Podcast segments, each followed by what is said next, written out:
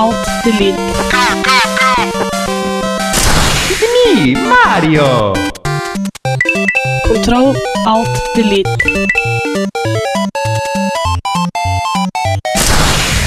Unable to comply.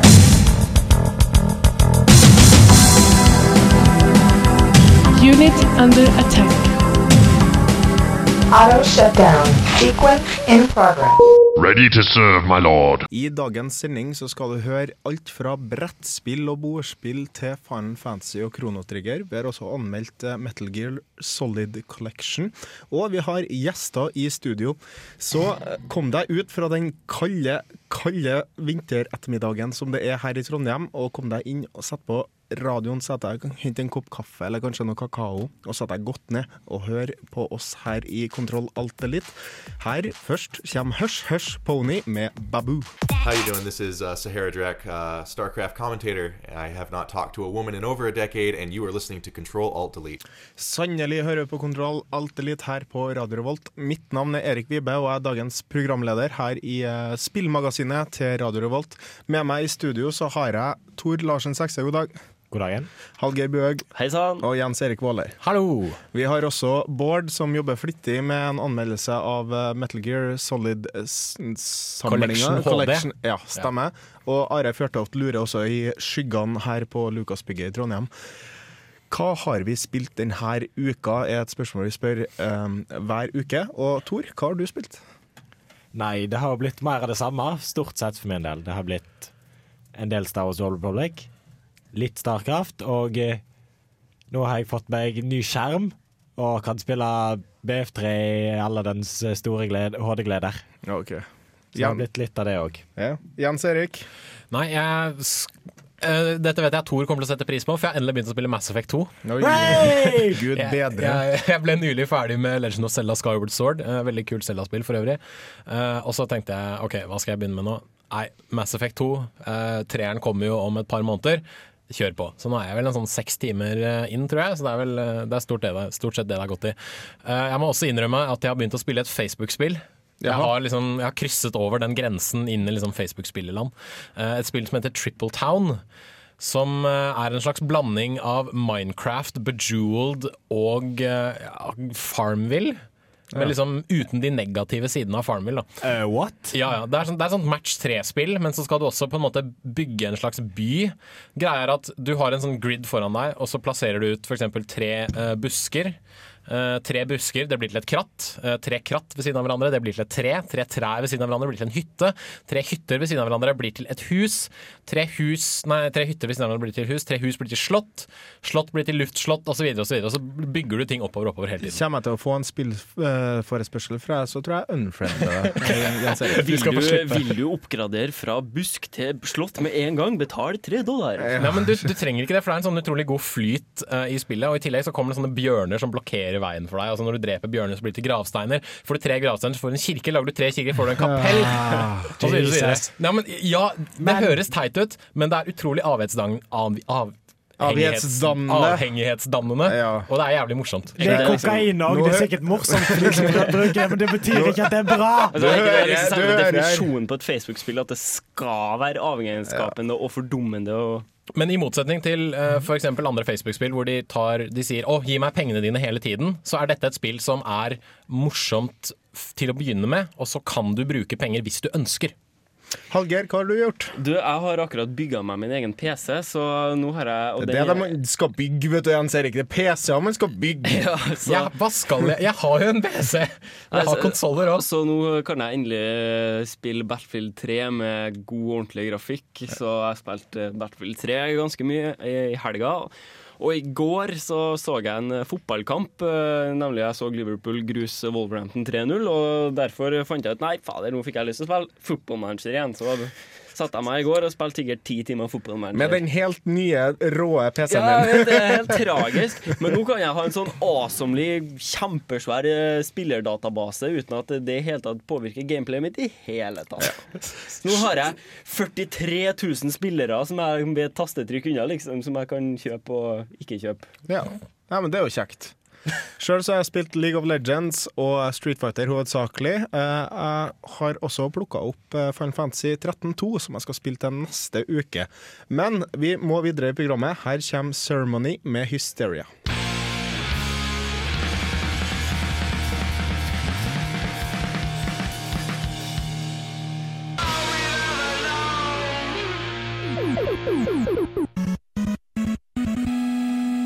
Det var sangen 'Hysteria', og vi begynte å lure i løpet av Hysteria om uh, Jens Erik kanskje har opplevd det, da han da snakker om sine Facebook-spill. Uh, men vi skal, Facebook-spill! vi skal Takk videre. dere. Vi skal videre. Uh, Hallgeir, har du noen nyheter til oss? Du, jeg har nyheter. Eh, vi kan starte med at det er snart tid for å dele ut gullstikker. Mm. Uh, gullstikker er jo eh, Jeg vet ikke helt hvem som gir den ut. Det tar ikke jeg på strak Det er nok arm. spilljournalistikken i Norge som i hvert fall bestemmer uh, på en måte hva han skal Ja, gis ut. jeg vet ikke hvem som gir den ut, men det er i hvert fall det en, en avstemning der alle kan være med og stemme på i forskjellige kategorier. Eh, på årets eh, beste spill. Eh, blant annet beste actionspill, beste RPG osv. Helt vanlig. Ligner veldig på den Game Trailers Uh, eh, Smash Nei, hva heter det? Uh, Spike. Spike, TV. ja. Smash VJs. Spike. Uff. Spike VGAs, ja. uh, så stikk inn og stem der. Linken ligger ute på Facebook-sida vår. Det blir jo veldig spennende å se da, om eh, det stemmer overens med hva vi valgte til årets spill og samtlige sånn der. Ja. At, eh, så, så får å stemme, for at da får vi i hvert fall en prognose, vi som bryr oss om det, om eh, hva, hva som skjer i Norge når det angår spill. Yes. Uh, ellers er det en litt sånn artig liten nyhet her. Uh, det er ei Steam-gruppe Steam-gruppe som akkurat har blitt uh, laga, som heter A Call for Communication Half-Life 3. Uh, nei, Half-Life heter den. Eh, den har fått eh, 30 000 medlemmer i løpet av veldig kort tid, og den handler om at folk har lyst på info. Eh, info om episode 3, eventuelt Half-Life 3. Så det er altså en masse Half-Life-fanboys som skriker nye, nye, nye. Dere sier ingenting.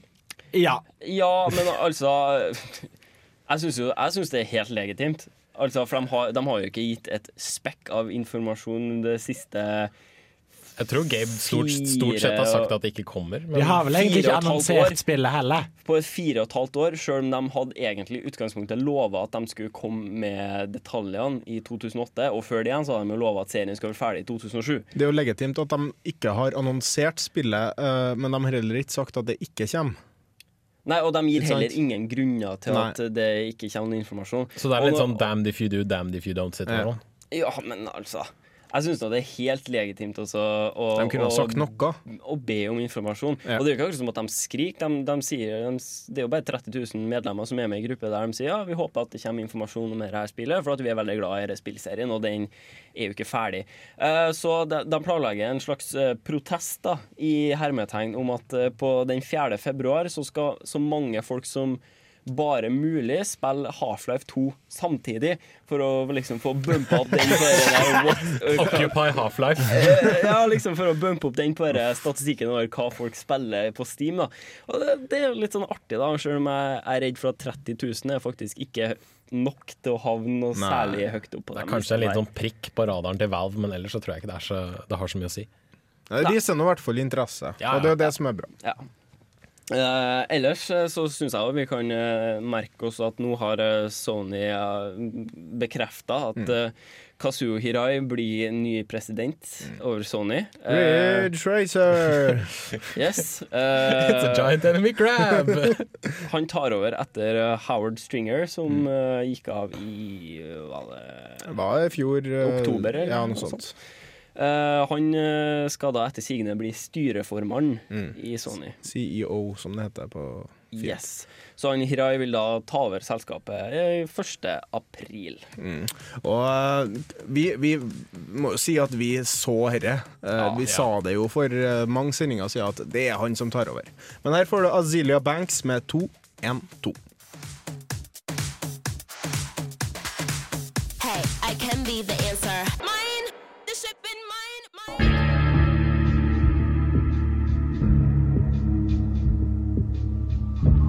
Du hører fortsatt på Kontroll Alt Elite, og vi holder på med nyhetsrunden vår. Hallgeir, hva har du i posen? Eh, jo, eh, her er litt eh, i posen det, det er ufint. Jo, det her er en litt sånn artig, men trist nyhet fra Sør-Korea for alle sammen som ikke er 18 år og bor i Sør-Korea. Der vurderer nemlig myndighetene å innføre en begrensning på antallet spilletimer per døgn til tre timer. Spiller de for mye Starcraft? Eh, ja. Eller altså, generelt alt annet. ja, og altså for å si det sånn, for å, for å bare eh, vise litt hvordan det faktisk er i Sør-Korea. I Sør-Korea så, så estimerer de at 10% av den mindreårige befolkningen sliter med spilleavhengighet. Mm. Men jeg mener at jeg så et eller annet i Norge òg om spilleavhengighet her forleden. Eh, om det var en reklamekampanje eller et eller annet sånt der for liksom spilleavhengighet, da, eller mot. Ja, for å si det det- Jeg så nå det var noe i framsida på Dagbladet Ja, ja, på mandagen. Stemmer det? Ja, det var på mandagen. Framsida på Dagbladet på mandagen eh, så jeg, jeg leste ikke artikkelen, for jeg syns sånt er tøys. eh, og det, der sto det Uh, mange i Norge sliter med spilleavhengighet. Sjekk om barnet ditt er i faresonen. Og det er sånn. Jeg husker mamma la en sånn artikkel en gang, og, og ja, jeg kan jo kanskje si jeg var jo kanskje Er jo kanskje Det var vel de fleste av oss, tror jeg. Ja, altså eh, eh, Vi, Vi vi, vi leker ikke spillanmeldere, for å si det sånn. Eh, eh, men det var jo veldig sånne diffuse karakteristikker. da Ja. Sitt eh, isolert alene for seg sjøl på datarommet i flere timer i strekk. Eh, ja, Hvordan ellers spiller du? ja, hva skal du ellers gjøre når du spiller? Uh, Kom og sett deg på fanget mitt mens vi spiller! Kom igjen. ikke sant? Uh, Uh, og så er det sånn uh, Miste sosial eh, jeg si, kontakt pga. spillinga. og Sånn. Herregud, har de ikke hørt om Skype? Nei, se der. Det kalles, det kalles tenåringsårene, det. Ja, det gjør det. Generelt. Nei, så det, det er sånn jalla-forskning. Men uansett, da, det estimeres altså at 10% av de sørkoreanske mindreårige er spilleavhengige. De har allerede gått eh, til skritt mot eh, spilleavhengighet i mm. Sør-Korea fra før. Det, det er faktisk det er ikke lov å spille online mellom klokka tolv og klokka åtte, altså om natta. eh, for mindreårige i Sør-Korea. Ja, jeg, jeg ser ikke at det egentlig er så ille. Nei, altså, Det er jo jeg- jeg- egentlig bare positivt. Det syns jeg er helt legitimt. for Altså, men hva er mindreårige? 16 eller 18? jeg er sikkert 18. Okay. Jeg tror det er 18. Men, men uansett, da. Ja, kanskje 16 har vært bedre. Ja. Men jeg vil si det sånn, da. Vært, altså, de kunne kanskje tatt det vekk for helg, Ja. men, eh, men, Nei, men altså En 16-åring eller en 15-åring en 14-åring mener jeg har egentlig ingenting opp å gjøre klokka Nei. ett om natta for å spille online. Det er sant. Altså, I verste fall så kan du nå spille noe annet. Ja, det er sant. Uh, ellers uh, så er det en liten uh, nyhet her om at en utvikler fra Team Ninja han sier at uh, Wii U sine hardware-spesifikasjoner De endres fortløpende, faktisk. Og de, endres, de har blitt endra veldig masse fra det vi fikk høre om den E3. fra starten.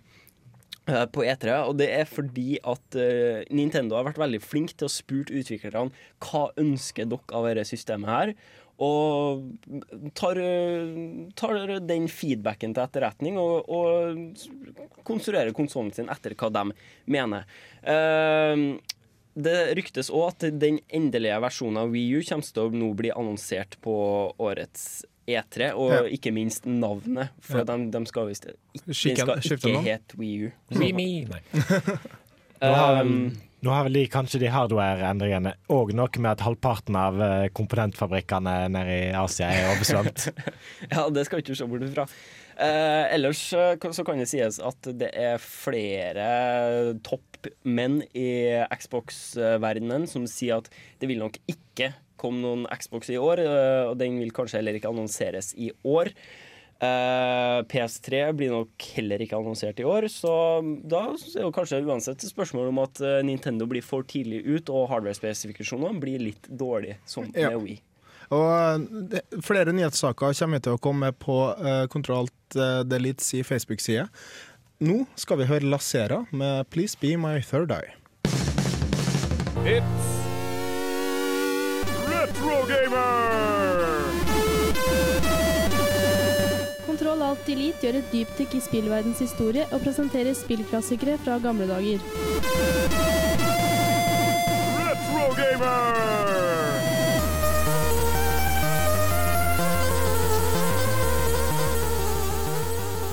Der var en liten trall som jeg ikke i hvert fall har hørt på ei lita stund. Jeg tror sisten vi hadde var UN Squadron, og det er god stund siden. Grim Fandango. Ja, Grim Fandango hadde vi òg, ja. Ja, det stemmer, stemmer.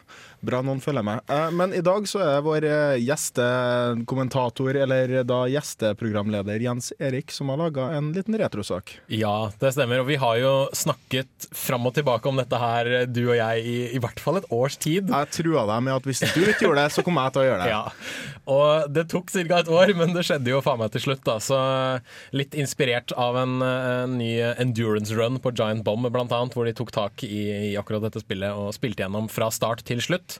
Så tenkte jeg nei, faen heller, nå er det på tide, så jeg satte meg ned en lørdag og gjorde alt arbeidet jeg måtte gjøre, og banka den gjennom på et par timer. Da får vi høre på Jens Erik Våler sin retroanmeldelse av Kronotrigger.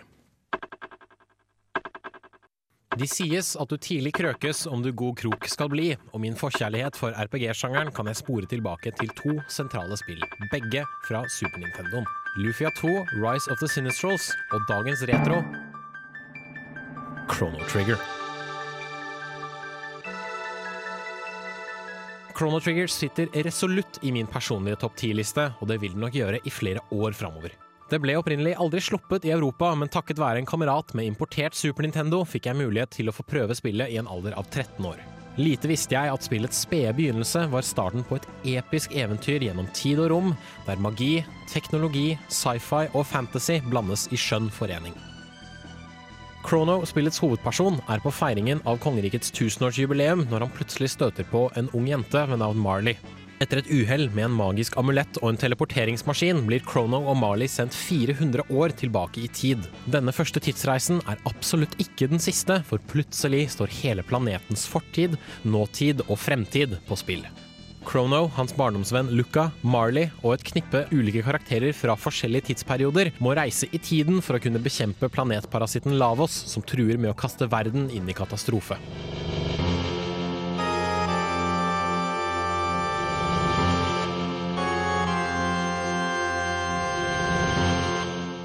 Chrono Trigger ble utviklet av et dream team av spillutviklere, alle med erfaring fra Squares Final Fantasy eller Enix Dragon Quest-serier. Denne erfaringen synes, for det er lite ved Chrono Trigger som ikke føles 100% gjennomført. Historien er bokstavelig talt episk og spennes over flere ulike tidsaldre, fra tidlig steinalder til dystopisk fremtid. Handlinger utført i fortiden vil få konsekvenser i fremtiden, både på godt og ondt, og det er slike konsekvenser historien dreier seg rundt. Plant et tre i fortiden, reis fremover et par tusen år, og plutselig så har det blitt en hel skog. Og ja da, det er faktisk et sidequest i spillet som ender akkurat slik. Det var en fantastisk helhetsfølelse ved historien da jeg spilte spillet første gang, noe jeg savner fra japanske RPG-er selv i dag.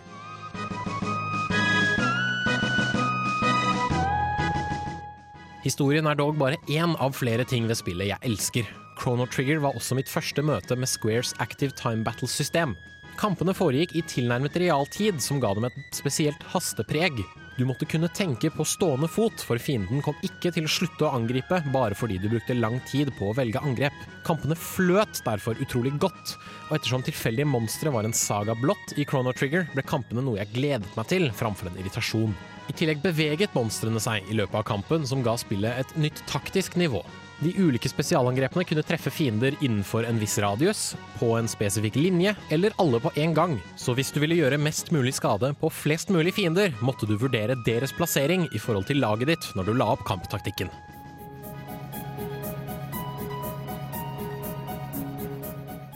Den siste hjørnesteinen i Chrono Trigger må være musikken.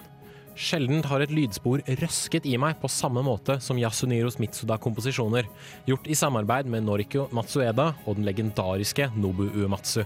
Alle hovedpersonene har hvert sitt spesielle tema, som gjenspeiler deres individuelle personlighet, og jeg tar meg selv i å nynne disse låtene igjen og igjen flere år etter jeg spilte spillet sist. I senere tid har musikken inspirert over 700 remixer og orkestreringer, og soundtracket gjør seg ypperlig gjengitt av alt fra et stort orkester til en dyktig pianist. Bare hør på dette her.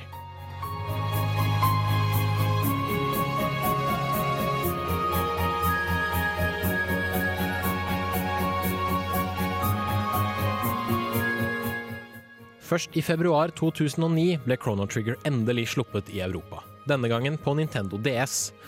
Nintendo sparte dog ikke på kruttet da DS-versjonen skulle lanseres. Manuset ble oppdatert og glattet ut, animerte mellomsekvenser ble lagt til, og spillet fikk en ny slutt som knyttet det bedre til oppfølgerne. Men den gamle spillopplevelsen jeg husket fra da jeg var yngre vedvarte, selv om det var den fjerde gangen jeg spilte spillet på nytt.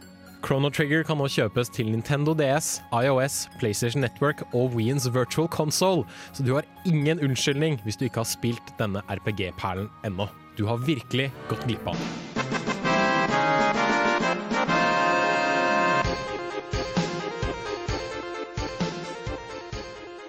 Der hørte du Bleached med um, en sang. Jeg hadde den i hodet i stad, men uh, var, det var Bleach med 'Searching Through the Past'. Um, jeg syns det passa med Final Fantasy Victory-fanfaren der, uh, for at dette er jo som uh, nevnt av Squaresoft. eh, gamle, gode Squaresoft som gitt Mhm. ut uh, Final Fantasy fram til Final Fantasy 12, eller 13, nei 12, ja. Da ble de Square Enix isteden. Um, Hallgeir, du har jo ikke spilt Kronetrigger. Fikk du lyst til å spille? Ja. Ja. Ja. Det Eh, er greit. det, det, var sånn, det var litt interessant å høre på det, fordi det høres jo veldig moderne ut. Det var veldig moderne for sin tid. Det var en del ting som var ganske nytt der, ja. Spes annet spesielt det du sa om eh, i kampsystemet, der med bevegelsesmønstrene de hadde, at, og angrepsmønster som du må på en måte måtte få til å passe. Mm. Yeah. Med altså at du, du kunne bruke AOE-effekter, men som kan ha null effekt, kan ha ekstrem effekt, liksom. Det Og så hadde de jo også sånn combination moves. Det syns Ja, jeg var veldig det- det glemte jeg neato. Det glemte jeg for så vidt også å nevne, men det er jo, du kan få to eller kanskje alle tre karakterene i partyet ditt til å slå sammen sine spesialangrep, Ja. og da få enda sterkere angrep. Som Power Rangers, liksom. Eh, Lite grann, ja. Eh, Spillet som jeg snakka om, men eh, ikke har snakka om som en retro, ennå, Suikoden gjør mye av det samme. Der har du 108 forskjellige karakterer. Og no, Si at noen av dem er brødre og søstre, og noen av dem kanskje er sexy ladies, og da har de et sexy lady attack. Eh, Men bare de tre spesifikke damene. Og da i, uh, si at Robo og Frog har ett angrep i um, De har vel Chrono Trigger. tre, tror jeg ja, faktisk. De har en god del kombinasjoner, og Krono og Luca har ett, og det er sånn der, liksom. Og um, Du får dem bare hvis du har den kombinasjonen med karakterer. Da. Og det syns jeg er veldig sånn, Det setter en, en, en viss preg på din spillestil. da Men eh, er det på en måte sånn som i en del eh, RPG-er der du går med squads, da, for å si det sånn? B- eh, blir det sånn at du hele tida velger samme laget? Altså ja og nei, holdt jeg på å si. Det, det er jo alle disse stedene i spillet hvor på en måte historien skjer, i anførselstegn, så har jo alle de ulike karakterene ulike reaksjoner på det som skjer. Og, Ja. Men stort sett så velger man jo Man får jo alle sine favoritter. Eh, men uh, man må jo alltid De har hver sine rolle, Da. Du har en som er en tank, du har en som er en eh, healer, du har en som er mer magibasert. Så du må jo alltid prøve å ha et balansert lag. Men det er jo selvfølgelig alltid noen som velger å gå liksom full powerhouse da, og bare brute force alle fiender. Men hvordan er levelingssystemet for karakterene? Eh, Vil en som du ikke bruker i kamp, levele opp? Ja. Ja. Ja, det er bra. Det går automatisk. De vil holde seg tre leveler under den høyeste eller et rasen der. Ja, det er jo bra, for da slipper du på en måte at hvis du ikke har brukt en karakter gjennom eh, Sånn er, sånn er det i chapter av historien, liksom, så Sånn er det i Suikoden. du har 108 karakterer, og sikkert eh, 75 av dem har level 5. ja, og, og, og ikke sant? Men hvis du da prøver på en måte å være snill og bruke alle sammen like mye, så kanskje du ender opp med å møte siste bossen, og så Ja. liksom er det ingen som kan ta den, for at ingen som har høy nok level, liksom. Nei, det er jo litt plagsomt sånne spill, for det har jo en tendens til at du spiller noen. Du spiller det der toppa DPS-partyet ditt på alt trashen, og så bare sånn one-shotter du alt. Og så kommer du til en vanskelig boss, og så er healeren din så lav level at han dør med en gang. Ja, eller så sier healeren sånn Hei, jeg kjenner den bossen her. Eh, ta, og så, ta, ta, ta, og så, ta med meg på den bossen her. Og så er han sånn level 5 eller noe sånt der. Det slipper du heldigvis i eh, Chrono Trigger. Uh, hvis sånne situasjoner oppstår, så vet du at den karakteren du har, er, eh, er det er riktig level, men det kan hende at du ikke har riktig uh, gear på vedkommende. Og det er en litt sånn greie du må ta, ta i betraktning når du velger party og sånt også. Her hører du Scarlett Chives med The Horror.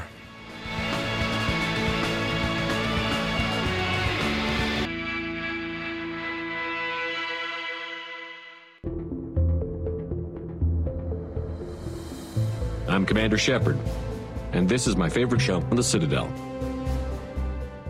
Der er vi tilbake, og Kronstrigger, jeg må fortsatt eh, tilbake til det spillet. Vi gir oss ikke. Nei, vi gir oss ikke. For at eh, jeg skal jo anmelde Final Fantasy 13.2 nå, og der òg er det tidsreise. Og jeg tør påstå at Kronetrigger har fått til tidsreise, uansett medium, veldig godt. For at det er vanskelig å få til det med tidsreise. Jeg syns at Tilbake til framtiden gjorde det veldig godt òg. Og eh, Dr. Who har også vært med på det veldig mange ganger. Og det, det, er, det er noe som må stemme, eh, rett og slett. Jeg er enig. Problemet jeg ofte har altså, Jeg er veldig glad i tidsreisehistorier, men problemet jeg ofte har med den type fiksjon, er det at uh, veldig ofte så sitter du og tenker Ja, men hvordan kan så, så får du veldig vondt i huet, fordi du tenker at ja, men nå skaper du et paradoks, fordi han kunne ikke gjort det hvis ikke han hadde gått tilbake dit og gjort sånn først, og så men så blir det bare en sånn, sånn loop som liksom går rundt seg selv Mm. hele tiden. Men det skjer aldri i Chrono Nei. Trigger. Det føles veldig naturlig, og flyten er god, på en måte.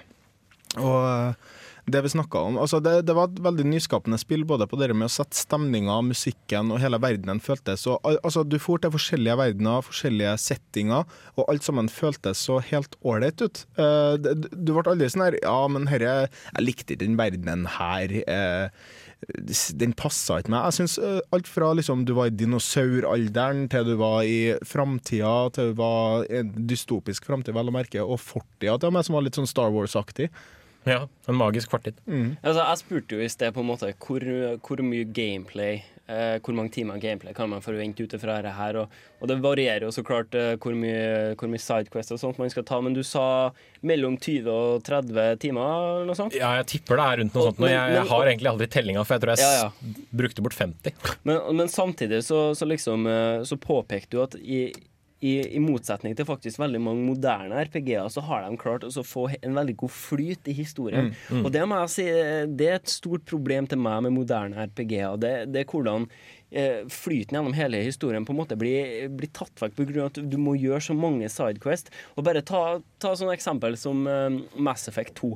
Et veldig, veldig, veldig bra spill. Men på mange måter så på en måte blir historien litt sånn blir veldig sånn pø om pø, og det blir sånn litt her og litt der. Fordi at plutselig må du gjøre en companion quest, og, og da blir det liksom sin egen lille quest som varer ganske lang tid. Og så Å ja, det stemmer. Det var det, var det vi egentlig holdt på med, liksom. Spillet skyfler deg stadig fremover, på en måte. Og f- jeg trekker alltid frem Final Fantasy 13 på et, på, Mm. som et eksempel på et spill som har veldig dårlig, veldig dårlig pacing. Mm. Hvor det tar 20 timer før spillet på en måte åpner seg, som de sier. Uh, I Chrono Trigger, jeg tror uh, selve liksom startsekvensen varer fra en halvtime til tre kvarter hvis du er litt treig. Og så boom, tidsreise. Uh, Fortida, Nah, ting skjer. Det, det er litt lenger før du får APOC. Uh, Nei, men altså, Du blir sendt tilbake i Ja, du- tid ja, det veldig du. fort. Det blir. Og du blir liksom introdusert for tidsreisemekanikken, og du skjønner at oh shit, her, her skjer det ting som er større enn vi først tror. da. Nå har du jo trukket frem to av de verste eksemplene på litt uh, fucka da, For Final Fantasy 13. Det er jo en 20 timer lang korridor med en tre timers sandbox på slutten. Og så to timer cutscenes. Ja. Og Mass Effect 2 det er jo en eneste samling av sidequests. Du har jo egentlig ikke noe main quest. Nei, du har egentlig masse sidequests, og så har du en ending. En liten tråd liksom, som på en måte binder dem sammen. Men uh, vi skal gå videre i programmet. Vi kommer til å snakke om Final Fantasy 13.2 og sikkert andre RPG-er i andre time, samt uh, brettspill. Så følg med her på Radio Revolt, så kommer vi tilbake forhåpentligvis med en anmeldelse etter James Blake med 'To Care Like You'. Der var 'To Care Like You' med James Blake. Eh, det ble eh, en litt problemfylt eh, pro, eh, Hva skal vi si eh, pro, produksjon her, eh, men eh, Metal Gear Solid Jeg tror, jeg tror rett og slett vi har litt tekniske problemer, Ja, det, som det heter på, på Det var noen som mista en, ja, det var en kabel eller noe sånt der som datt ut en eller annen plassen, og da skjedde det bare hulmhei over hele Nei. Forestiller Lucas-bygget, det blinka. For å Vi har sånn. noe vi kan skylde på. Vi har ei Windows-maskin. Microsoft. La oss uh, Fy deg, Microsoft, det er din feil. Mm. Nei, la oss, la oss legge skylda på Microsoft. Hva tror du, Jens Erik? Jeg legger alltid skylda på Microsoft. Ja. Men eh, HD-remixer, eh, det har jo kommet en haug, eh, i hvert fall i fjor og året før. Så har det jo vært Og- og det veldig mange. Og det kommer. Ja. Ikke minst er- eh, Final Fantasy 10. Ja, og den kommer til P PSP Vita, eh, og det blir jo veldig spennende. For at det var mange som på en måte Jeg syns at Final Fantasy 10 var den siste ordentlige Final Fantasyen, på en måte. For at etter det så kom eh, 11, 12 og nå 13 og 13.2. Final Fantasy 10.2 Kom kom det jo ikke 14 eller noe sånt òg? En MMO til? Jo. Ja, den ble slakta, så det Ja. gjorde noe med den. 14, ja. Det, Ja, altså, men det eh, det, det, fi- det finnes. Ja, det ja, men det var ikke noe bra, liksom. Nei. Eh, Og, men HD-remixer altså, Vi hadde også en Sly Cooper eh, HD-remix. Vi Stemmer hadde det. Beyond Good and Evil. Devil May Cry kommer en HD-remix av. Mm, og uh, Silent Hill. Zelda Ocarina of Time. Street Fighter 2. Street Fighter 2, ja. oh, det er jo Så kan man jo påstå at Mario har jo egentlig bare pumpa ut HD-remix de siste fem årene. Ja, nei, det er Ja jo, det. eh, kanskje. Men det er jo mer at eh, de har jo utviklet liksom plattformerkonseptet. Nå heter det jo ikke HD, nå er det jo 3D-remix, da. Ja, det stemmer. det. Unnskyld. 3D-HD. Uff. Star Fox 64. Ja, men Hva syns du om det? Altså, det er jo gode spill, og jeg vil jo i hvert fall eh, som Jeg jobber jo på barneskole, og jeg blir glad når jeg ser at en unge har Ocarina of Time på sin 3DS. eh, På ta med dagen, liksom. Og jeg, jeg syns at dette er en gyllen mulighet da, for å gi igjen. På en måte, her er et bra spill.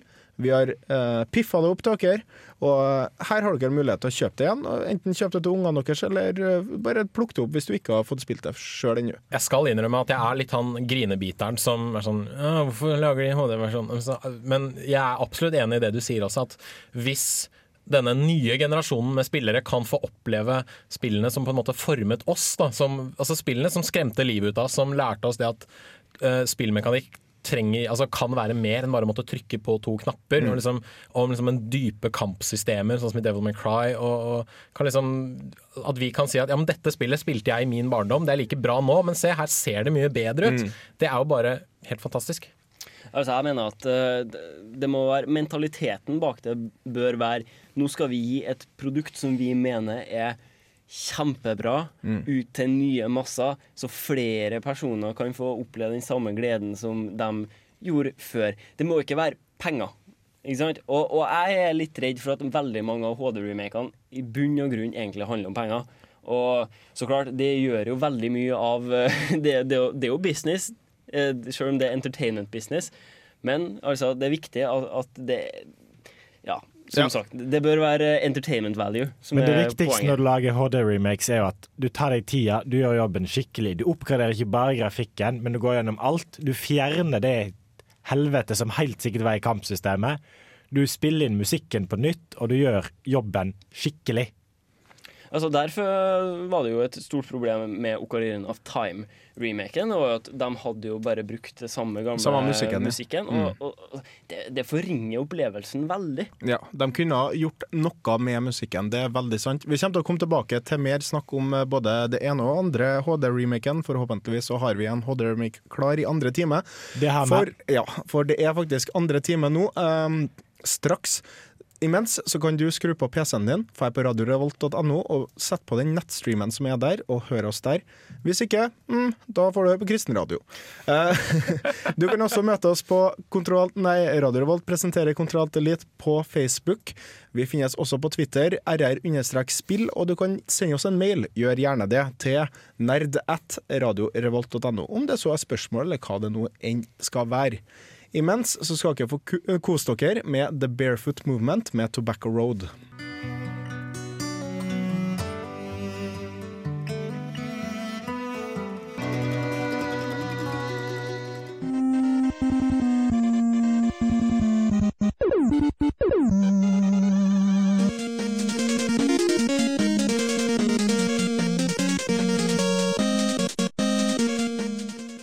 Der er vi i time to, og vi har fått eh, to nye medlemmer i vårt eh, ganske så tette studio her. Eh, Bård Restad, god dag. Hei, hei, hei. Are Fjørtoft, god dag. Hei! Hva har du spilt, Bård, den siste uka? Jeg har spilt mer av Catherine, og jeg nærmer meg ganske så snart slutten nå. Og eh, jeg vil absolutt anbefale alle som til å prøve det spillet når det kommer ut til alle dere som ikke er så heldige til å ha en kompis som importerer spill. Ja. Eh, Det kommer ut eh, til Europa nå, ikke na fredagen her nå, men fredagen etter der nå. Begynner de å bli vanskelig, pyramidene? Å ja, men eh, jeg har nå klart det likevel. Ja, men det det, Kanskje litt på YouTube? Hei, kanskje? hei, hei. Når jeg anmeldte, så var jeg nesten ikke noe på YouTube. Uh, Are, hva har du spilt? Eh, vel, siden jeg er så stille på alle fronter, eh, så har jeg tatt opp et gammelt spill Eller gammelt, eh, det kom ut rett før jul til eh, Android, Ja, så mobilen min. Eh, men jeg har blitt skikkelig hekta på det. Eh, det heter Super Stickman Golf. Oi, hei. Eh, og det er et fantastisk spill å spille på. Eh, Problemet bare er at jeg er en samler. Det vil si at jeg samler på alt av achievements. ah, Liksom, om det fins mulige 999 000 poeng, så skal jeg ha alle poengene. Ja, ja, ja. Jeg kan ikke ha 998 og så bare legge det fra meg og så aldri spille det igjen. Det går ikke. Nei, jeg Så jeg, jeg driver og prøver å runde det, da. Eh, og jeg har kommet sånn eh, 70% fullført, men eh, der er noen veldig vanskelige golfbaner som bare absolutt nekter å la meg vinne. Så ja, det er det jeg har gjort. Men Super. Stickman Golf. Det høres bra ut. Eh, I dag så skal vi snakke om hva Khalid Assam sier. Analoge spill. og, eh, jeg syns det er en flott betegnelse på det. Det er en veldig nerdete betegnelse på spill som ikke foregår på PC eller skjerm av noe slag. Om så skjermen er som den første, eh, det er oscilloskopet. Eh, det er jo det første spillet som noen gang ble spilt. Ble spilt på et oscilloskop. Tennis for two. Ja, ikke sant. Så vi skal prøve å holde oss litt unna spillene, men før vi gjør det, så må vi faktisk komme oss en liten snarvei innom Final Fantasy, for at jeg syns det er litt festlig, i og med at uh, det blir lagt ut nå, og uh, vi har i hvert fall eh, to stykker som har ganske god peil på Squaresoft og Final Fantasy. Så derfor så må vi høre en av de nye sangene. Jeg syns den er festlig. Den er ikke nødvendigvis bra, men den er i hvert fall festlig. Det er veldig Japan å ta med en sånn her sang. Det er da en metal-remix av Chocobo-teamet som er med i Final Fantasy. Jeg må egentlig si meg ekstremt skeptisk til dette her. Altså. Jeg har ikke hørt låta før, men Det er første gang. Altså. Hvis noen husker Underworld, som var uh, intromusikken til Final Ja. Fantasy 10, eh, der var det eh, også amerikansk vokal, og det har de denne gangen òg. Bare hør på teksten, for at den er så jævla awesome.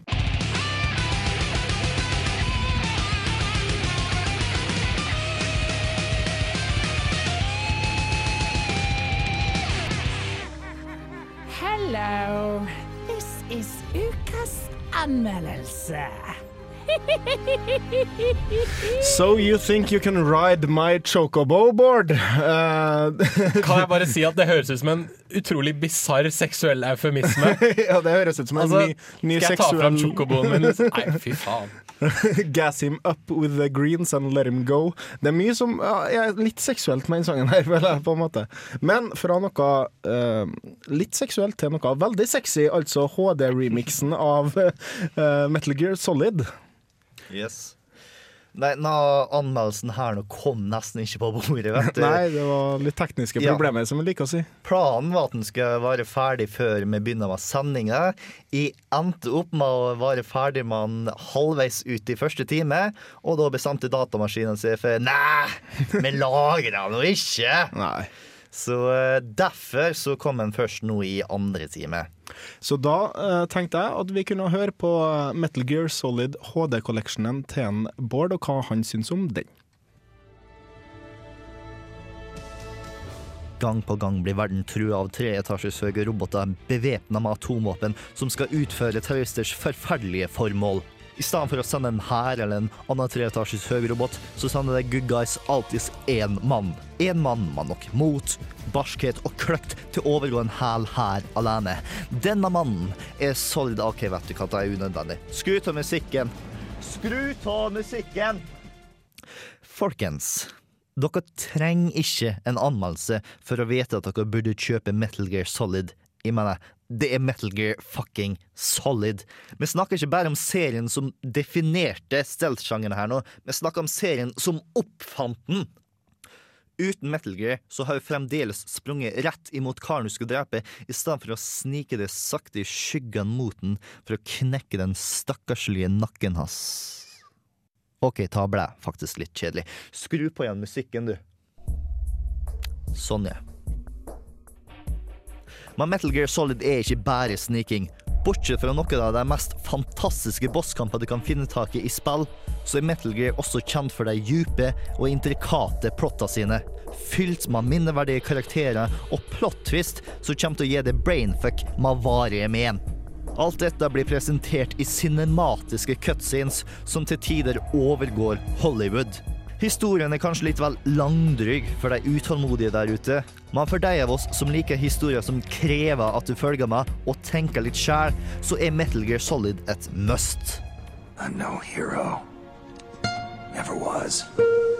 Never will be. Ei, ei, ei, ei, ei, ikke avbryt meg her nå. Da du har et godt poeng. Metal Gear Solid har noe av det beste voice-actinga i spillverden, og har i tillegg ikonisk soundtrack som fullfører lydbildet. Bare hør på det her nå.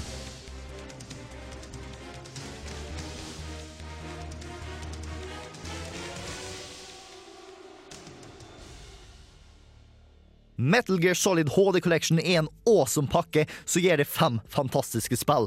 Du får Metal Gear Solid 2 og 3, som er kremen av kremen til PlayStation 2-biblioteket. Du får Metal Gear Peace Walker, som kanskje er det beste spillet på PSP-en. Og du får pionerene Metal Gear 1 og 2, som regelrett oppfant snikersjangeren alene. Og du får i tillegg de beste versjonene av seg spillet, så du får flere titalls timer med ekstraoppdrag og små snacks.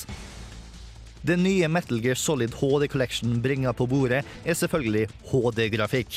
Metal Gear-spillene er fantastisk flinke på å tyne maskinen for alt de har, for å få den beste grafikken mulig, og dette kommer godt med i HD-versjonen. Da det er vanskelig å skjule at Metal Gear Solid 2 har blitt over ti år gammel nå, spesielt når lipsynkinga er alt annet enn synkronisert. Dessuten så får du achievements og trophies for første gang i seriens historie, og mange av disse er rett og slett artig å gjennomføre. Og det at du kan bruke to analogstikker på Peace Walker, gjør at denne versjonen er den definitive versjonen av spillet. Med tanke på kvaliteten og kvantiteten denne samlinga tilbyr, så er dette den beste pakketilbudet siden The Orange Box. Og med tanke på at samlinga ikke kommer ut til full pris, så kan du finne Metal Gear Solid 1 på PlayStation Network og Metal Gear Solid 4 som platinum-versjon, og få så å si hele serien til samme prisen som et splitter nytt spill. Det er et tilbud du ikke bør si nei til. Har du aldri spilt Metal Gear Solid-serien før, så har du nå en god sjanse for å endre på dette.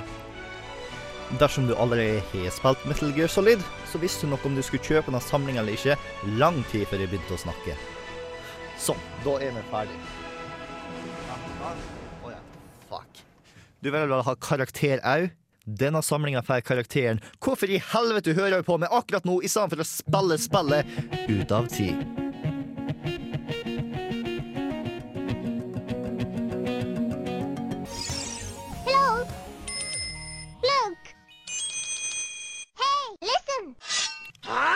Der fikk vi Guitar Sound fra det Kontroll Alt Elite anbefalte spillet Sequence. Um, før det så fikk vi anmeldelsen av Bård uh, på uh, Metal Gear Solid HD Collection.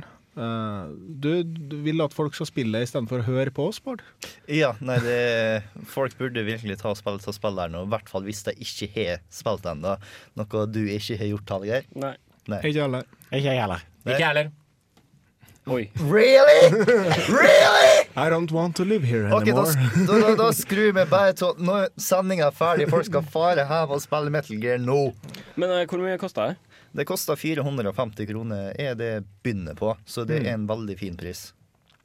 Og uh, det, det har jo begynt å blitt en god del HD Collections. Team Ico Collection Mm. nå er jo anbefalt av oss. Uh, Jack and Dexter kommer ut i slutten av måneden. og um, Street Fighter 2 HD Remix var også ganske ålreit. Uh, det var jo forventa. Det vi trenger HD-remake av, det er jo disse her Police Quest-spillene. ja, ja. Ja, men de kommer jo Det- det kommer Larry- Larry HD Collection. Leaser sitt uh, Larry. Og Transport Tycoon. Ja. Ja! Kings Quest. Det er et forferdelig spill, egentlig. Og Heroes of Might and Magic 3. Ja! ja. Ikke minst. Og så har vi jo den der, eh, selvfølgelig, hvis jeg sier den mest etterlengta HD-remaken av et spill noensinne, som har blitt wina om på internett siden Final 7! ja. Men det, uh, jeg tror nok Squaresoft har sagt at det kommer aldri til å skje. eh, Square Enix, da. Det er altfor stort spill til å lage HD remake av. det blir altfor dyrt, rett og slett. Selv om de har, det har solgt som varmt hvetebrød. Jeg må bare ta pass på at de innrømmer noe her nå. Greia er, jeg har faktisk ikke rørt HD Collection. Men jeg har tatt og runda Metal Gear Solid 2 og 3 sånn fem-seks ganger hver. Jeg har runda Metal Gear 1, og jeg har spilt mer enn nok av Metal Gear 2 Solid Snake og Metal Gear Peace Walker til å vite at de er fantastisk gode spill. Så eh, jeg kan det jeg snakker om. Og Bedre skulle vi, gjør bare jeg skal bedre. kjøpe collectionet og viser det seg at jeg tok feil, så skal jeg spise en hatt og innrømme det her nå på Ok, eh, programmet. Dere har det, dere har hørt det her. Dette skal vi Fyr opp metakritikk, Metacritic, eh, Tor. Ja, jeg får gjøre det, og så får vi passe på at du får, du får lov å ha sennep på hatten når du skal spise den. og kniv og gaffel. Men Are, hva er det du holdt med der bortpå? Vel, jeg har tatt med noe manualt. Ja, Noe, noe Noe analogt. Noe analogt, som Ja. du sa det så fint Hva, eh, i sted. hva heter det for noe? Eh, det, det var liksom Jeg, jeg elsker det, for jeg, i dag var det sånn show and tell. Ja, ja. Eh, Nå kan det ikke show til, eh, Nei, til lytterne. Men vi kan linke. Ja, det skal vi, jeg skal ta og linke det. For det, det er et spill jeg har hatt siden jeg gikk på ungdomsskolen. Som jeg ble Mm. introdusert på en fotballtur til Danmark. eh, hvor vi satt på bussen, og så var det en fyr som eh, En smart fyr som bare Hei, har lyst til å prøve Sett? Jeg bare sånn, Hva faen er Sett? Eh, jo, Sett det er et kortspill hvor du skal finne tre like, ulike Eller like eller ulike ka kategorier. Eh, og så er det om å gjøre å få flest sett eh, på slutten av spillet. Og det kan spilles av to til eh, ja, eh, 50 spillere. Eh, Det kommer an på hvor mange du gidder rett og slett å ha rundt det. Og vi var ofte alt fra 4 til eh, ja, 20 som sto såpass, ja. rundt eh, et sett. da. Eh, Det sett er da, rett og slett Jeg har glemt antall eh, kort, eh, men det er ganske mange. Jeg lurer på om det er oppunder 100 eh, kort. Som du da skal legge ut i eh, holdt på å si par av ni, det blir jo feil. Tre ganger tre. Tre ganger tre blir riktig. Um, og da er det sånn at hver kort har uh, forskjellige former på seg. Mm. De formene kan også ha forskjellige farger og fyll. Ja. Uh, og da er clouet rett og slett at du skal prøve å finne noe som er enten helt likt Ja. i de, blant de ni som jeg nettopp har lagt ned, Mm. eller noe helt forskjellig. Ser en, tror jeg. Eller en kombinasjon av helt likt og helt forskjellig. Ok, For eksempel, nå, nå har du eh, tre grønne bølger og tre grønne bølger. Eh, begge eh, Tre av de grønne bølgene er fylt, og tre er ikke fylt. Teller det? Eh, Eller må- det- det skal- Det skal være tre og tre kort. Det er riktig. Okay. Altså Du må enten ha alle kriteriene, la oss kalle det kriterier. Farge er en kriterie, eh, form er en kriterie, fyll er en kriterie. Og antall. antall er en kriterie. Takk, det var det siste kriteriet. Og da er det sånn at Du må enten være alle kriteriene like eller forskjellige, eller en kombinasjon av dem. Ok, Så for eksempel de eh, eh, tre lilla. Det er tre lilla som ligger der. Det er vet jeg. riktig. Og da har du funnet rett sett, for det er rett og slett uh, tre kort her. Uh, to eh, begge, alle tre korta har to mm. sånne former på seg. Men alle har eh, Og alle er lilla, men mm. alle er forskjellige. Den ene er litt sirkelaktig, den andre er diamantaktig, og den siste er det jeg kaller squiggle. Ja. Eh, og da har du altså Det er like antall, det er lik farge, men det er det Men det er forskjellig form. Ja. Ja, og det er samme fyll. Ja. Fordi det fins uh, stripa fyll, og det fins helt tomme. Ja. Eh, Det høres vanskelig ut å forklare dette her på radioen, men bare google SET, S-E-T. Mm. Eh, og hvis ikke du får til det, så er det iallfall uh, Card Game. Uh, legg til det, så får du i alle fall det, for det, det googla jeg nettopp for å finne ut prisen. Ja. Eh, og det er fantastisk morsomt spill, så jeg tenkte jeg skulle utfordre. Vi må jo spille en sang, så jeg kan forklart eh, reglene godt nok, og Mm. vi skal sette i gang en runde eller to. Så tenkte vi skulle spille sett uh, mens vi hadde radio. Ja. Uh, både under eh, mens vi prater, og mens vi hører på sanger. Så skal Ja. vi se hvem som er vinneren av Kontroll til litt sett, da. Og så skal jeg sjøl være dommer, da, siden jeg kommer til å knuse dere så hardt at jeg ikke Bare pass deg, du. Jeg har spilt det Det før koster nesten forresten 20 dollar, og du kan kjøpe det på setgame.com. Ja, ok. Er Eh, ut. imens så får eh, Imens eh, Are nå eh, dobbeltforklarer reglene til meg, for at jeg var ikke helt à jour med dem, så skal dere få høre på en eh, sang fra Chrono Trigger. Riktig. Dette Her er Klutz, artisten, og den heter 600 AD in Piano, og det er en OC-remix.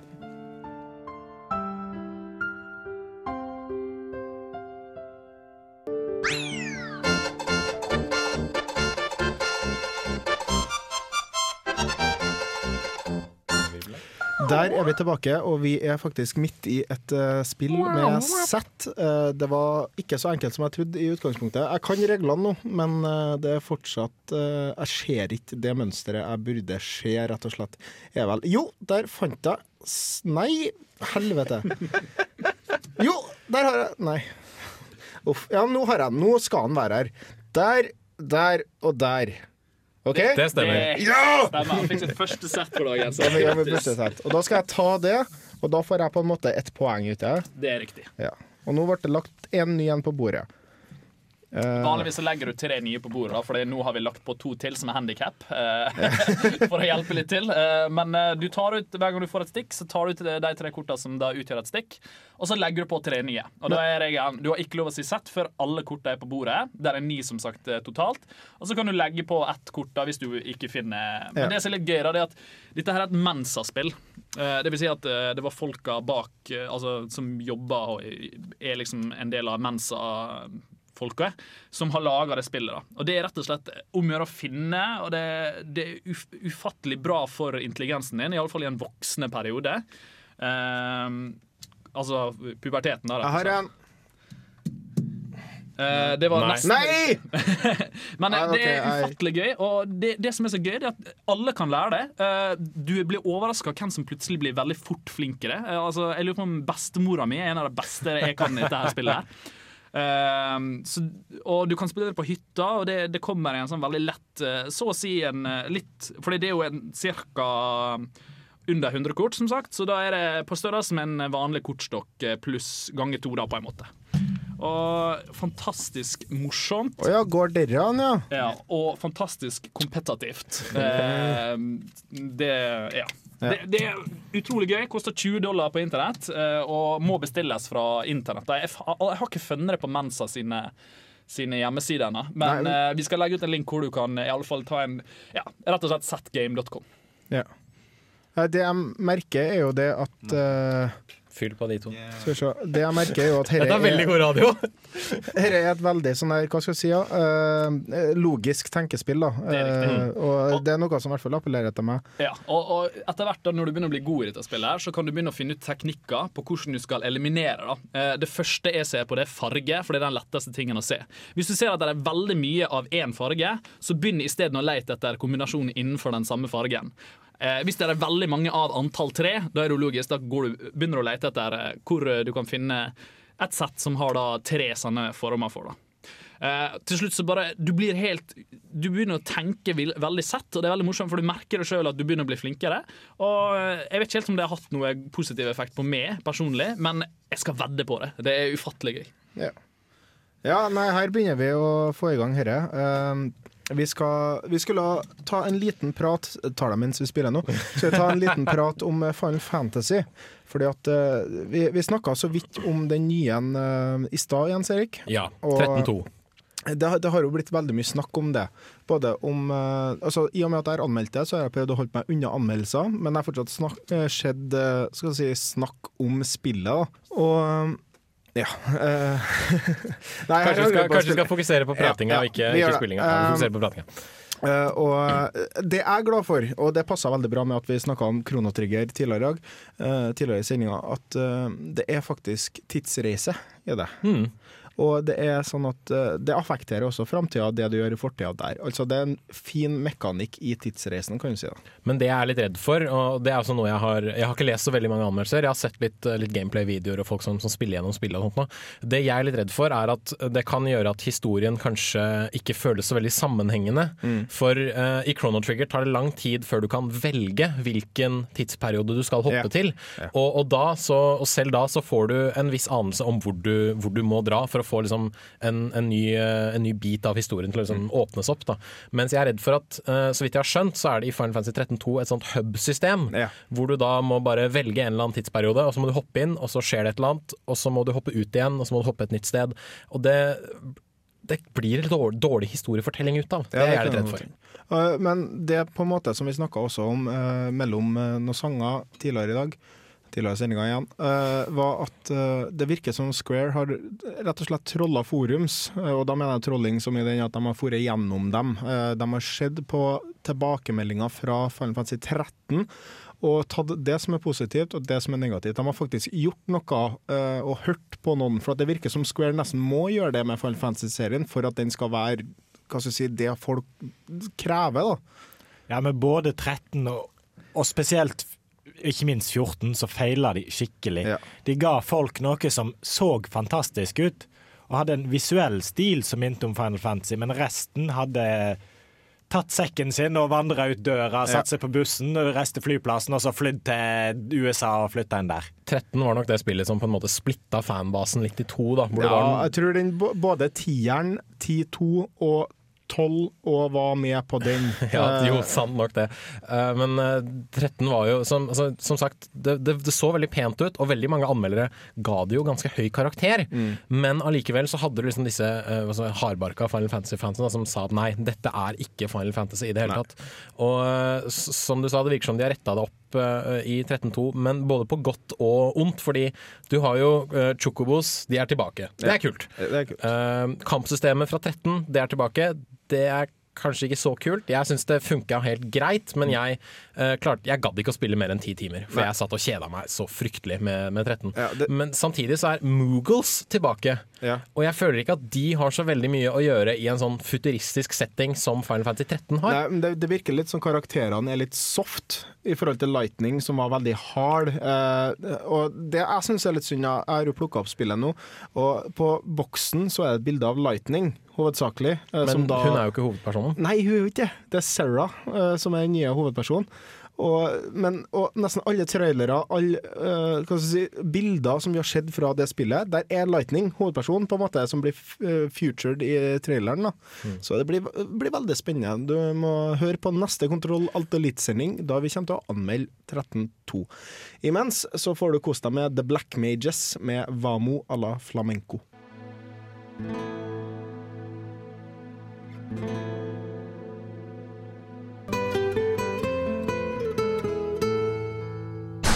Kontroll, alt, delete. Today we made a difference. Eagle 6 out.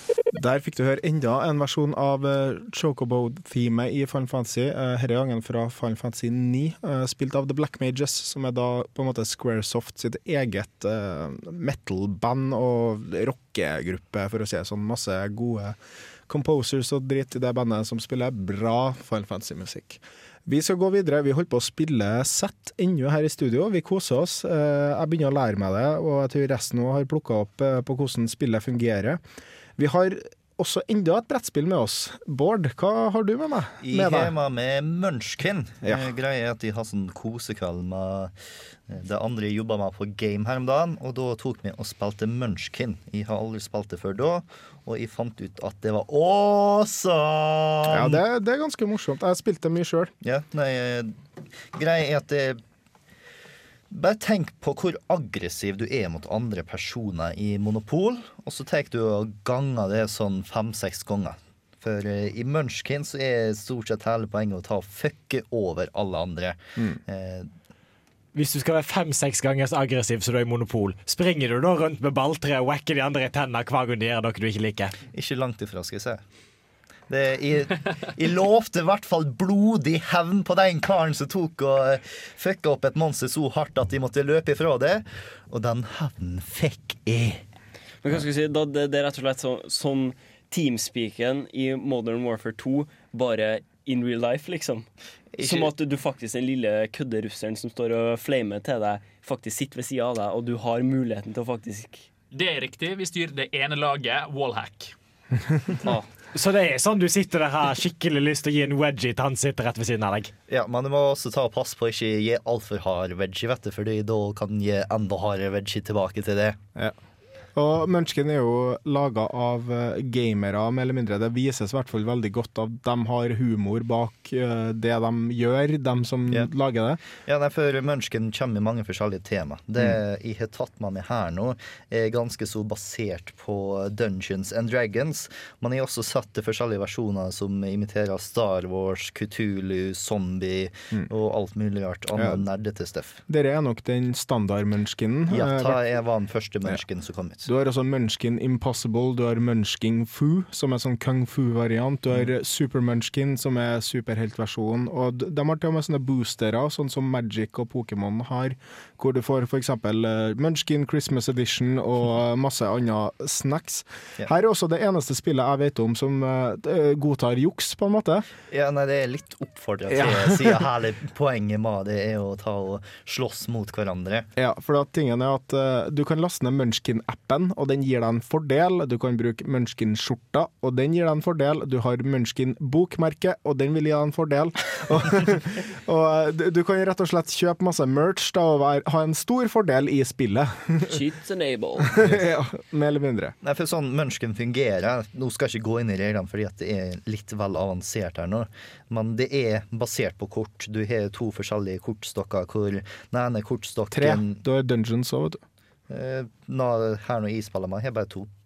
Eh, Du har en hvor du faller ut, og en hvor du har døra som du sparker inn i. Så dørene du sparker inn i der nå, så har du forskjellige curses og monster og alt sånt der nå, Mm. og av og til bare good stuff. Ja. Og i loot så har du massevis av eh, nice stuff, hvor du kan ta og gå opp i level og få massevis av forskjellig utstyr. For hele poenget med å ta spillet her nå er å være førstemann til å komme opp til level 10. Level 10, ja. Ja, Slår du et monster, så går du opp i level. Tar du selger nok lut, så går du opp i level. Men det er også veldig lett for folk å kaste det ned igjen. Så med, når jeg spilte mot andre, så satt vi i hvert fall i en time hvor mange var på level 9 og nekta å la noen andre komme opp til level 10. Eh, Er ikke det eh, sånn klasser du kan være? Ja. Eller du blir tvunget til å være? Du må, du må ikke være klasse og rase, men du får eh, tilgang til å være klasse og rase, og det er selvfølgelig en god del fordeler til, og en del bakdeler til òg. Du kan til og med være kjønn. Eh, Du starter som det kjønnet som du er, eh, men du kan også bli gjort om til ei dame. Eh, og i begynnelsen så har du no class, som det står så fint. og for eksempel, eh, det er mye humor i spillet. Her har jeg for eksempel et item som gir deg pluss to, og det er buckler of swashing. Uh, selvfølgelig da fra swashbuckling. Uh, og potion of inappropriate erecuation. Og uh, uh, inappropriate erecuation, altså raping, eh, rett og Å ja, slett. ok, ok. Og de hadde flaming poison potion. Eh, jeg vet oh, ikke helt hvordan den fungerer.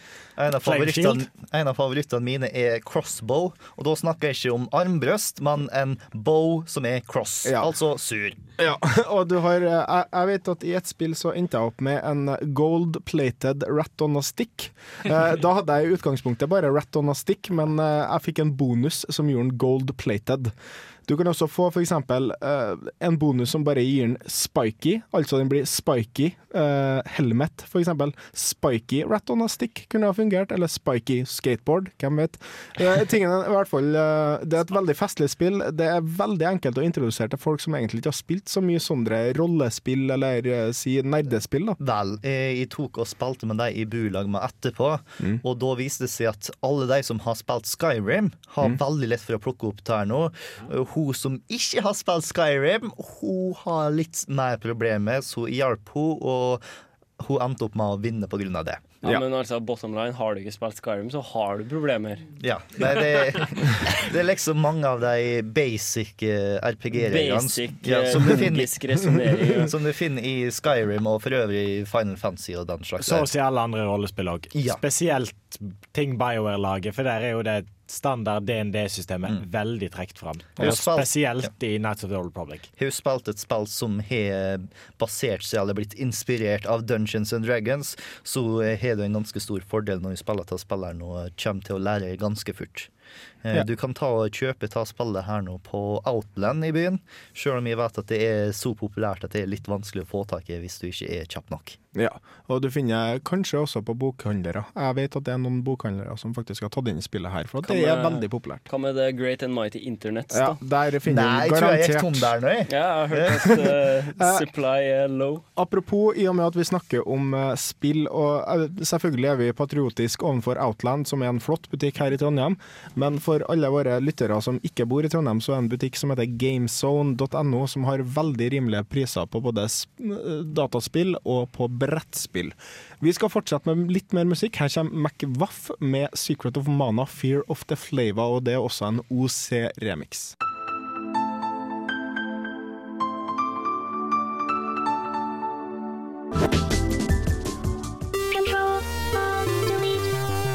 Vi har altså så langt snakka om Sett, et kortspill for en logisk hjerne, og Munchkin, en, et kortspill for en ikke-logisk hjerne. Uh, For en eh, sadistisk og hevngjerrig hjerne. ja, Uh, du hadde en liten uh, ting du ville nevne om Munchkin? Ja, nei, jeg har nesten lyst til å nevne hvordan jeg fikk hevnen min på han karen som tok og eh, betrådde meg. Ja, fortell. Greia er at han satt attmed en kar som ville være skikkelig jævel. Greia er at du kan ta og få hjelp av den personen som tar og ser rett etter det, og hvis han sa nei, så er den personen etter der, osv., osv. Så, videre. så det han karen som satt attmed karen som jeg har lovd hen på, gjorde, var at han sa hvis du ikke nå tar lar meg ta og hjelpe deg å få all luten, så kommer jeg til å gjøre ta monsteret du kjemper imot, kjempesterkt. Og eh, han jeg lovte hevn på, han bare sa nei, du bløffa, jeg tror ikke på det. Så han eh, blackmaileren tok og gjorde sånn at eh, monsteret ble kjempesterkt. Og eneste måten han kunne ta og overleve på, var å få hjelp. Det burde ikke blackmaileren gjort, for som sagt, jeg har lovt hevn. Så jeg tok og eh, virkelig tok og eh, gikk inn for å ta og gjøre ta monsteret ulevbart, og fikk skikkelig hevn på tærne. Så Ja. eh, blackmailing, backstabbing, hevn. Munchkins it all. Og apropos hevn og blackmailing og politiske intriger. Det har ikke dratt seg så langt at det har begynt å strø sukker i senga til folk og sånne ting. da. Ikke ennå, da. Det er en fin plan B. Ja, nei, jeg, jeg kommer veldig på et spill som jeg har spilt en god del, som heter Twilight Imperium. Det er nok det mest langvarige brettspillet jeg noen gang har spilt. Vi var ei helg på, um, på en plass som heter Råkvågen, en åtte stykker av oss, og da spilte vi, og det tok to kvelder. Det er da et uh, interplanetarisk uh, si, Forestill dere Starcraft med 14 raser. Alle sammen har sin egen personlighet, uh, har et eget skip som som, hva skal si, som kan gjøre noe som passer den rasen. Du har også da, forestill dere, Civilization. Blande inn det i denne Starcraft-miksen. Og så oppå dere så legger du til Victoria 2 eh, sitt politiske system. Da, det skal stemmes, eh, det skal bygges, det skal slåsses, det skal fullføres quester, og det tar ei Altså, for å skal vi si én meter i diameter er spillebrettet. Eh, I radius, mener jeg. Altså én meter hver vei, og det kan bli litt større enn det òg. Så to meter, altså. Nei, nei, nei altså én meter opp og én meter til sida. Hva blir det? Nå er ikke jeg den mest matematiske her, antar jeg. Kubikkmeter. Nei, ikke Nei, nei altså, i, i. Én meter i andre. Ja, en kvadratmeter. Okay, ja, en kvadratmeter. Ja. Eh, det er spillebrettet, og eh, du har en haug med skip. Du har, det, det er veldig ja. det, det er som 3D-sjakk. En kubikk med, med spillebrett. Da har du et seriøst svært spillebrett. Men uh, der er da for en sånn space-greie. Sånn, ja, nå er han oppi her, og så er han her. Så kan vi Og snakker vi backstabbing, så snakker vi spillet her. Det er, ja, det er så mye politikk og det er så mye intrikat som uh, du har lov til å gjøre i spillet her. At det er, det, det, Fær på YouTube, søk på Twilight Imperium. Jeg vet at det er en plass som heter The Dice Tower, som har en veldig bra anmeldelse av det. Så du sier at det er så mange regler her nå. Dersom jeg har tatt regelboka og slått det i hodet, har du dødd da? Det finnes fire regelhefter. Eh, Du har ikke dødd, du har ikke dødd. Men det har du kanskje av Warhammer Fantasy Battles, sier regelbok. Hvis du har slått hardt nok, for at den er på sånn rundt 500 sider eller et eller annet sånt der. Eh, Da scenarios inkludert for det. Da et tabletop brettspill. Det betyr at du har små miniatyrer, og nå nerder jeg veldig ut her, eh, kjenner jeg, som du maler, setter opp i en hær og uh, spiller jeg mot andre mot. Uh, det er et veldig bra spill. Jeg har spilt det siden jeg sikkert har vært en tolv, og jeg holder på fortsatt. Men vi fortsetter. Final Fantasy Dissidia 12, God in Fire.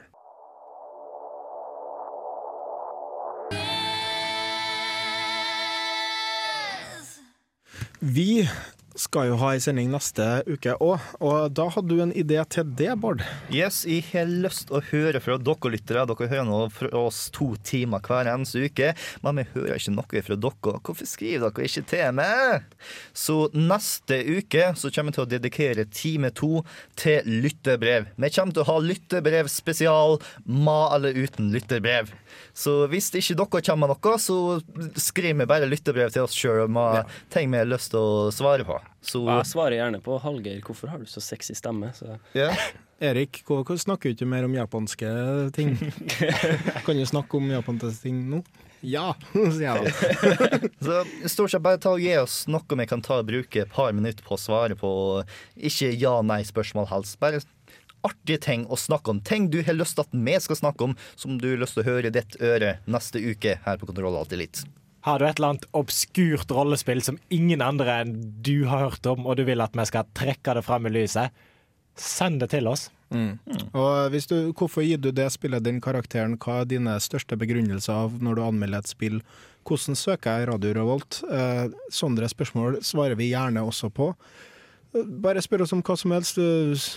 Om du er interessert i sivilstatus til samtlige her, så kommer vi til å svare på det. Og jeg kommer ikke til å si det nå, men jeg Hvordan kommer til å si du med det. Terran i Starcraft? Ja, kost- ja, vi har eh, en viss spesial eh, hva si, ekspertise uh, i enkelte spill som vi også kan svare på det. Vi, vi, prøv, vi kommer til å svare etter beste emne, rett og slett, uansett hva spørsmålet er. Og da tar du og sender oss mail på nerd radiorevolt.no. Altså nerd krøllalfa r-radiorevolt. Altså, .no. R-radiorevolt. Yeah. Du kan også finne oss på Facebook. Ja, det kan du gjøre. Eh, Du kan finne oss på Radio Revolt presenterer Kontroll Alt Delete. Eh, Du finner oss også på Steam. Der heter vi eh, Radio Revolt presenterer Kontroll Alt Delete. Og på Twitter heter vi RR-spill. Vi kommer til å komme tilbake neste sending med anmeldelse av Final Fantasy 13 2. Vi kommer også til å ha en anmeldelse, som du, hvis du har hørt på oss lenge, har hørt uh, Catherine. Fordi at det kommer faktisk til Norge neste uke. Og uh, kanskje vi kommer til å rote fram noe annet snedig òg. Så jeg håper virkelig at du hører på oss. For avslutningsvis har vi Darren Korb, det herlige soundtracket til Bastion. Sangen heter 'Spike in a Rail'.